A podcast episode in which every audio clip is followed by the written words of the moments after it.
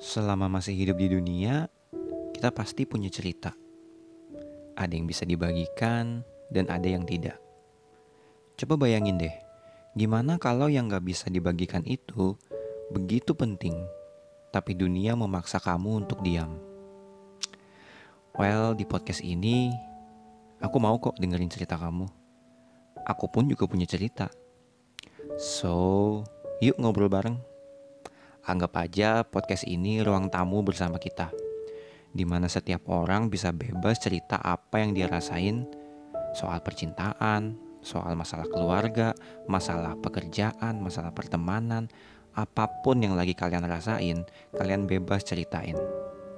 Bisa lewat Instagram gue di @edu_mcallister atau bisa lewat email di cerita sobatpea at gmail.com.